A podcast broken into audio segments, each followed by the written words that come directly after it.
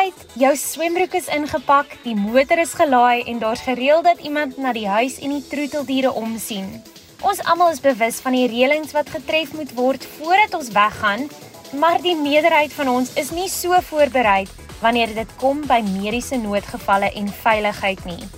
Goeienaand en welkom by Kompas op RSG. Ek is Marley van der Merwe en dis baie lekker om vir die volgende paar minute weer saam met jou te kuier. Vanaand gesels ek met David Mokke, 'n voormalige seeroei kampioen en 'n voormalige lid van die nasionale lewensreddingsspan. Paramedikus Dewan Lombard kuier ook saam en dis waarna jy alles kan uitsien in vanaand se program. Ons almal sien uit na geselligheid en 'n welverdiende ruskans, maar met die vakansie is dit ook asof ongeluk om elke hoek en draai kan wag en soms bevind ons onsself in 'n situasie waar 'n boereraad nie sommer sal help nie. Paramedikus Dewan Lombard vertel vanaand vir ons wat om te doen in sekere mediese noodgevalle. Kompas. Kragvers en knetterend. Hallo Dewan en welkom op Kompas. Dis baie lekker om vanaand met jou oor vakansieveiligheid te gesels. Eerstens vertel ons net asseblief 'n bietjie meer van jouself. Goeienaand Marley en aan al die luisteraars. Dit is baie lekker om vanaand saam met julle te kan kuier. En ja, soos julle weet, my naam is Devan Lombard en ek het in 2018 my bakkaleursgraad in Emergency Medical Care klaargemaak by die Universiteit van NMU, Nelson Mandela Universiteit. En van daar af was ek um, omtrent vir so 5 jaar in die staatsdiens in die Oos-Kaap en beide op helikopters en operasioneel op die pad gewerk as 'n advanced life support paramedic. En ja, van daar af het ek bietjie my vlerke gesprei en buiteland begin werk. En tans werk ek nog steeds buiteland en dit is te lekker om die familie te kon saamvat. Dewan, wat is die mees algemene beserings of gesondheidskwessies wat paramedisy tydens die feesseisoen teekom? Ja, tydens die feesseisoen is dit maar die tyd wanneer ons as mens afskakel en ander mense bietjie hulle self meer geniet. Met dit kom daar ook 'n risiko, jy weet, van te veel geniet, ehm um, lei tot 'n bietjie besering soms. So ja, wat ons kry is baie trauma verwante beserings, of dit nou is as gevolg van alkoholmisbruik en karongelukke. En ja, dit is ook maar hang af waar jy werk, jy weet, in in watter sosiale omgewings en kringe jy beweeg. Markusdorp veral, jy weet, sien ons baie alkohol verwante beserings of dit nou geweld is en of dit nou is iemand wat bietjie te veel gedrink het en nou bietjie plat lê op die grond of sulke tipe goed. So ja, dit is dit is maar die tipiese alkohol sindroom beserings. Baie dankie Dewan. Hoe kan luisteraars hulself beskerm teen hitteverwante siektes soos dehydrasie, veral tydens buitelug geleenthede of wanneer hulle na warmer gedeeltes in die land reis? Die publiek kan hulle self beskerm teen buitelug en hitteverwante siektes op verskillende maniere, maar ek dink dis belangrik om altyd net in ag te neem waarin jy gewoond is as persoon. Jy weet iemand wat bly bo in die Noord-Kaap het 'n baie groter kan ek sê tolerance vir hitteverwante siektes teenoor iemand wat ehm um, van plekke af kom waar dit nie so warm raak nie. Maar baie spesifiek kan mense maar net en dit is maar 'n bietjie persoonlike detail as ek dit mag sê. Ehm um, kyk maar na die kleur van jou urine wanneer jy badkamer toe gaan en maak seker dat dit nie donkerbruin is nie en as jy sien dit is donkerbruin, weet dan net dat jy moet meer vloeistof inneem en maak maar net 'n doelwit daarvan om vir jou self te sê ek wil op voor 'n spesifieke tyd van die dag al soveel vloeistof gedrink het. En dit gaan maar eintlik hand in hand met die aktiwiteite wat jy doen vir die dag. So indien jy buitelug ehm um, aktiwiteite gaan doen, maak seker dat jy net meer vloeistof dan inneem. En dan weer op die ander, ag dit is algemene algemene kennis, maar maak net seker sonblok is in jou sak of in jou strandsak of waar ook al jy gaan Jy weet sonbrand is net so onnodig en daar is so maklike maniere om dit te voorkom en dit is eintlik maar 'n baie groot seer, nê. Nee, vir die eerste paar dae as jy dit kry en dit beskadig die vel, die kanker risiko. So maak maar net seker dat jy genoeg sonmiddel uh, aansit en bly ook maar net uit die son uit wanneer die UV indeks byvoorbeeld baie hoog is en dit kan jy vind op die weer vir die dag en maak net seker dat jy jouself goed beskerm deur 'n hoed te dra en 'n bril te dra. Dit is baie goeie raad, dankie Dewan. En met vakansie is eet natuurlik hoog op almal se prioriteitslys. So as iemand 'n voedselverwante siekte opgedoen het en dalk opgooi, wat sal jy sê is die beste ding wat jy vir daardie persoon kan doen? Ek is ook 'n groot kosliefhebber myself en ek weet dit is nie altyd maklik om selfbeheersing te beoefen met baie lekker kos voor jou nie. Maar indien jy of jou geliefde jou vind in 'n situasie waar jy voedselverwante ehm um, vergiftiging het, um, is dit net belangrik om eerstens seker te maak dat jy nie te veel vog verloor nie of dit is deur diarree of opgooi. En dan dink ek ons is te gou om te veel medikasie te gebruik, veral in diarree. Dit is nie nodig om baie hoë doses van Imodium te gebruik byvoorbeeld om die diarree te stop nie, want Die oomblik as ons dit stop, dan kan die bakterie nie eintlik uit die liggaam uitbeweeg nie. So indien jy Imodium het by jou huis, gebruik dit net spaarsamig. Indien jy onseker is, ehm um, gaan net na jou naaste apteek en konsulteer die apteker. Dit is 'n baie goedkoper oplossing as om net hospitaal toe dadelik te gaan. En baie mense reis ook gedurende die feesseisoen. Watter raad kan jy bied om 'n veilige en gesonde reiservaring te verseker? Ek dink soos ons almal weet, is daar natuurlik baie baie motoriste op die pad gedurende die feesseisoen. Maar ek dink dit is vir my in my werk wat ek oor die afgelope paar jaar al gesien het en ek glo vas dat ek weet jou tyd is jou tyd en ons Vader sal jou kom haal op die dag wat dit so beplan is.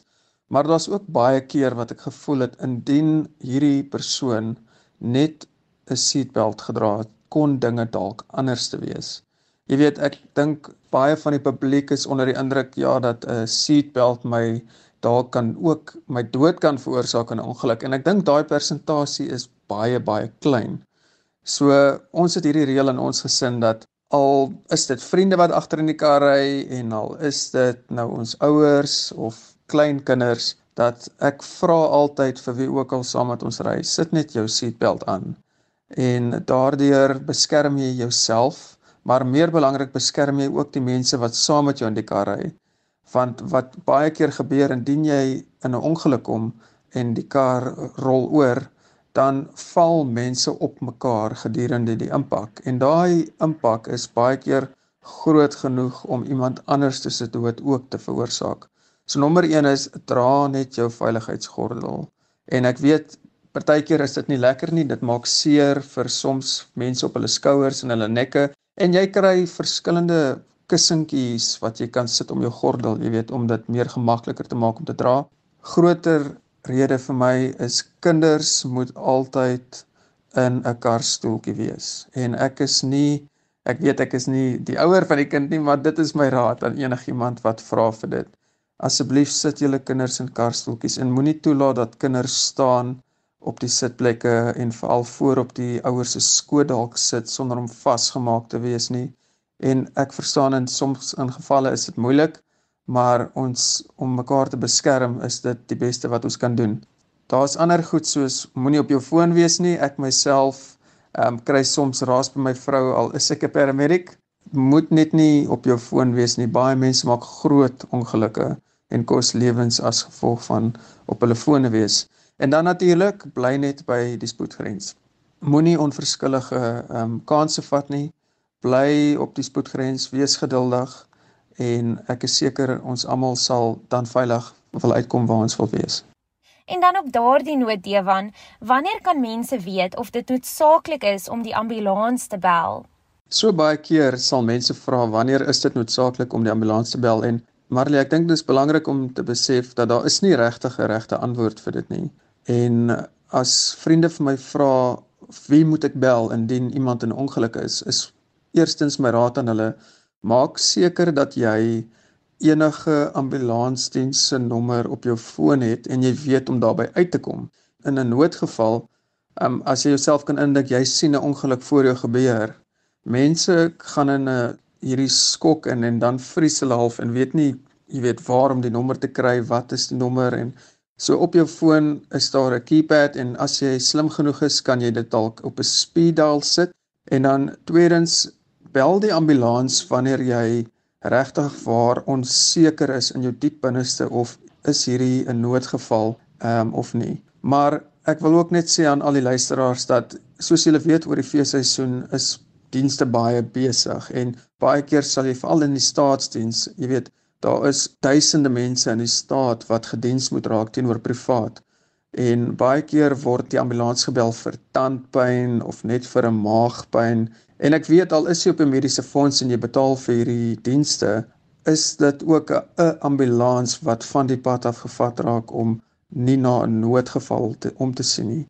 So indien jy regtig onseker is of hierdie persoon werklik siek is, bel die ambulansdiens en die ambulansdiens het ook baie keer 'n noodsenter wat dalk vir jou raad kan gee of die persoon wel moet hospitaal toe gaan of nie, maar moet ook nie in noodgevalle, jy weet, sê nee, ek sal môre hospitaal toe gaan en dan was dit dalk môre te laat nie.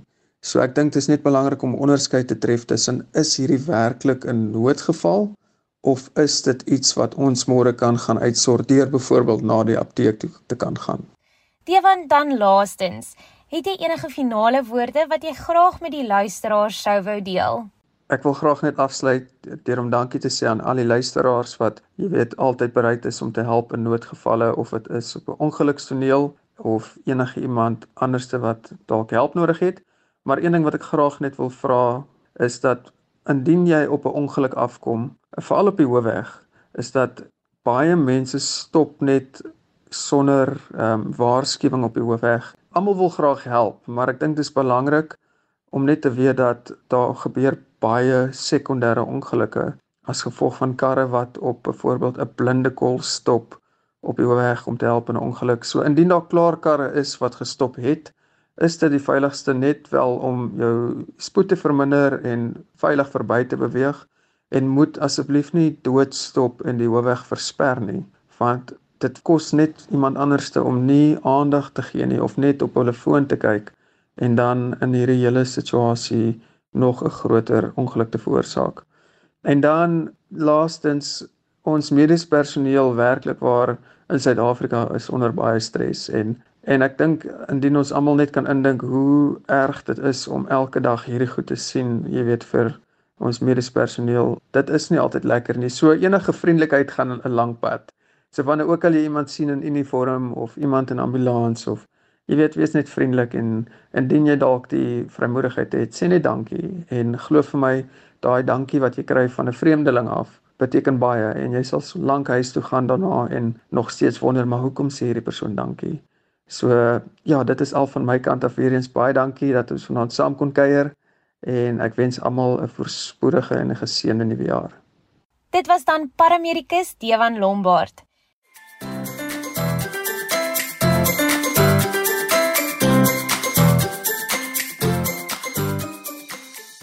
Vakansietyd is ook wanneer mense lafenis soek in die see, riviere, kanale en damme.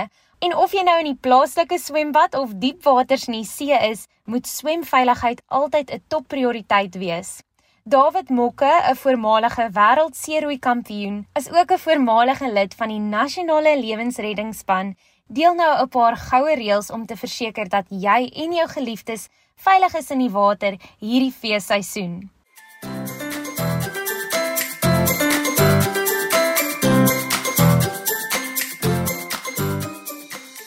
Baie dankie. Dis lekker om weer op Kompas te wees en te gesels met al die luisteraars. Net ter herinnering van van wie ek is en wat my agtergrond is. My naam is David Mokke en ek is 'n seeroeier. Ek roei al vir amper 3 dekades op die see en my my journey is so te sê wat het begin as 'n lewensredder op Vishoek strand in die Kaap en ek het vir baie jare was ek 'n vrywillige lewensredder Ek het ook deelgeneem vir Suid-Afrika. So ek was 'n uh, kom ons sê maar 'n Springbok lifesaver. En ja, jy weet hulle sê as jy nou eers as jy nou eers 'n lewensredder is, is jy altyd 'n lewensredder. Hulle sê once a lifeguard, always a lifeguard. Dit is maar my agtergrond. En ek het groot geword op die see, langs die see en my werk is om mense te leer roei en om mense uit te vat op die see. Dus is ek baie ervare wanneer dit kom om in en uit hierdie golwe te gaan en en wanneer dit kom by swem op die strand en so aan. Kyk, die mees algemene gevare wanneer die mens gaan see toe natuurlik, dis taamlik voor die hand liggend.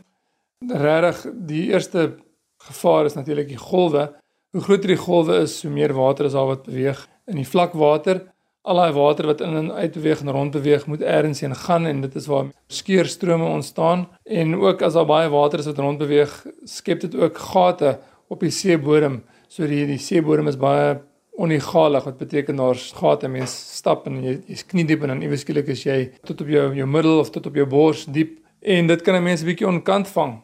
En veral as jy in so 'n stroom inval so dit is nou een gevaar. Ander gevare natuurlik is as daar nie baie mense om is nie. Jy, dit is regtig fisieke gevaar. Jy het miskien kry jy 'n kramp of as jy nie 'n sterk swemmer is nie jy gaan 'n bietjie diep uit en jy raak in die moeilikheid. Dit is gevaarlik so mense wil natuurlik nie swem waar daar nie baie mense is nie. Daar's ook natuurlik see lewe en ek sal sê kyk 'n blou blaasie of 'n of 'n jellyfish is natuurlik iets wat 'n mens kan aantas veral as jy as jou jou liggaam in skok kan aangaan as jy allergies is vir die goed kan dit taamlik gevaarlik wees. So dit is die gevare van die van die see sal ek sê meestal. As 'n mens op 'n skei is of jy's op 'n op 'n surfboard of 'n boogieboard iets wat dryf, is dit natuurlik maklik om in die water in te gaan. Dit is baie lekker, is baie genotvol, maar dan moet 'n mens ook oppas vir die wind. En as die wind nou van die see af land toe waai, dan dan is dit veiliger want dit waai jou altyd terug na die strand toe. Maar as die wind nou eers offshore is, as hy nou waai van die land af uit see toe, dit is eintlik baie gevaarlik en die ding is 'n mens kom dit eintlik agter nie want dis die water is is mooi en dis dit is nie baie choppy nie, so jy jy dryf maar lekker uit en dan iewes skielik as jy nou weer opkyk, dan is jy diep in die see in en jy het ver van die van die land af weggedryf. So dit is iets wat 'n mens moet vooroppas as daai wind as hy nou weg van die land af waai. Kyk, 'n skeurstroom of 'n ripkurrent soos hulle dit noem, Wat gebeur is die enigste tyd wanneer water beweeg as daar golwe is is wanneer die is wanneer daai golf breek. So wanneer daai wit water wanneer daai wit water sien. Daai wit water rol nou strand toe. So al daai water was op teen die wal of teen die strand wat nou 'n wal is en en dit trek dan weer weg en al daai water moet ergens heen gaan. So jy gaan vind dat die hoe groter die golwe is of hoe meer water is, hoe sterk gaan daai strome wees en daai strome gaan nie eers dit gaan nie dadelik terug uit nie. Dit gaan eers sywaarts. So daai daai water trek jou of na die klippe toe Eh, of dit trek jou na die middel van die strand toe. So as daar klippe is of daar's 'n jetty of 'n pier of iets 'n breekwal, dan gaan dit dan gaan die water altyd soontoe trek want daar's altyd dieper water daarso. En mense kan dit eintlik sien as jy kyk na die skuim bo op die water, kan jy mens sien hoe beweeg hy skuim links of regs. Die meer gevaarlike skeerstroom is nou die wat jy nie regtig van bewus is nie, wat jy nie eintlik kan sien nie, want dit is nie so op, opmerklik nie. En wat gebeur is stadig aan word jy nou geskuif, die water skuif nie maar so stadig aan na die skeurstroom toe. Dit is waar die, die lifeguards gaan jy altyd sê waarom te swem en hulle gaan nooit 'n bathing area, 'n swem area sit waar daar stroom is nie. Uh maar dit gebeur tog en wat 'n mens moet verstaan is in daai plek waar daai stroom is, is die water altyd dieper. Dit is baie natuurlik vir mense om daar te wil gaan swem want jy sien nie die golwe nie. So dit lyk vir jou asof dit veiliger is want jy sien nie 'n golf nie, maar daar's nie 'n golf nie wanneer wanneer die water is diep. So hy breek nie daar nie. So wat nou gebeur is jy besig om te swem met 'n baljaar en dan is daar nou 'n gat dan kan jy nie meer staan nie. Dan suig die ding jou uit in die golwe in. Belangrik dan om nie nie paniek bevange raak nie. Die veiligste ding is eintlik om te swem dwars of parallel met die strand in die witwater in. Dis sodat die volgende golf jou terug was na die strand toe. As 'n strand nie baie groot golwe het of groot branders het nie, gaan daar nie eintlik strome wees nie. Maar daar gaan nog steeds diep areas wees van daai water gaan nog steeds met uitwas eers heen. So mens moet bewus wees daarvan. En dit is maar altyd beste net om om te gaan swem waar die lewensredders is, waar die lifeguards is.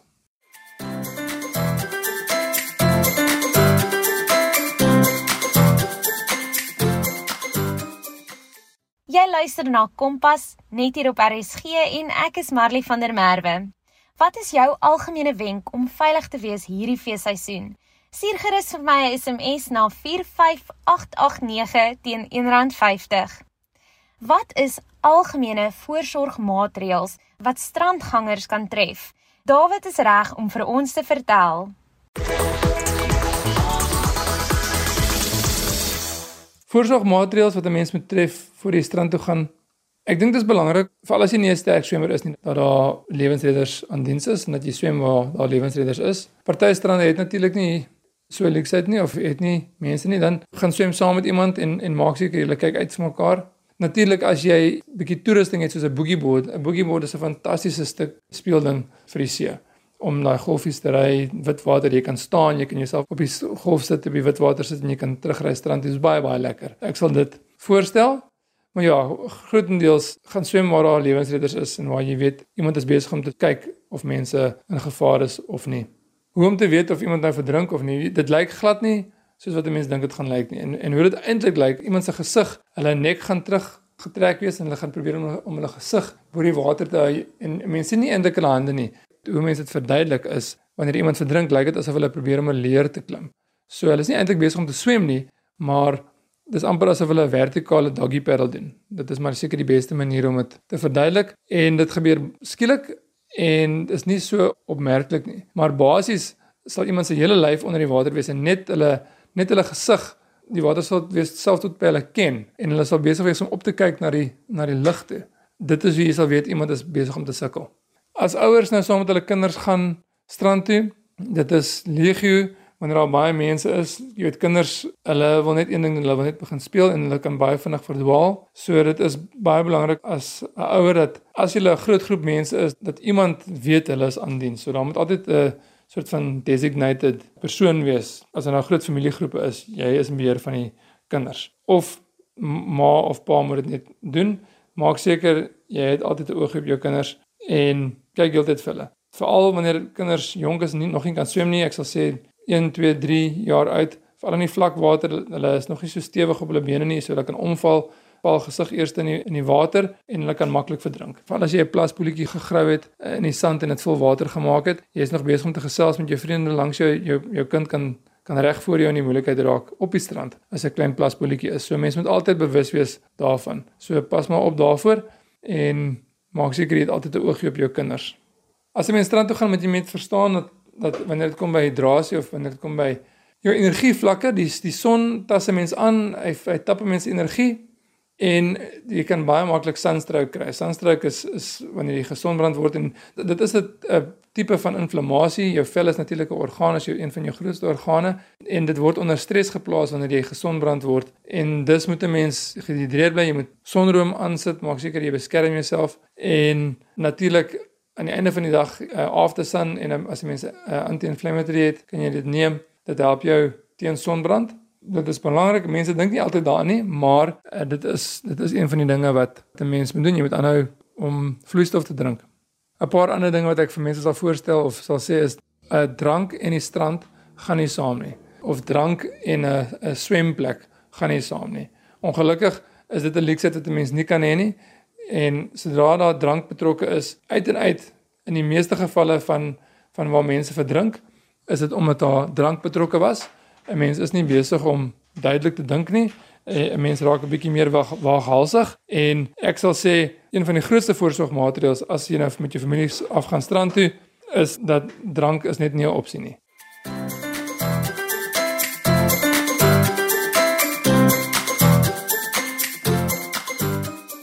Dit was dan David Mokke, 'n voormalige seeroei kampioen, as ook 'n voormalige lid van die nasionale lewensreddingsspan. Sou jy weer na vanaand se program wou luister, gaan loer gerus op ons webtuiste rsg.co.za. Al die vorige Kompas-programme is daar beskikbaar om af te laai. En waar ook al jy jouself hierdie feesseisoen bevind, bly veilig. Dit was dan Kompas met my, Marley van der Merwe. Tot volgende week.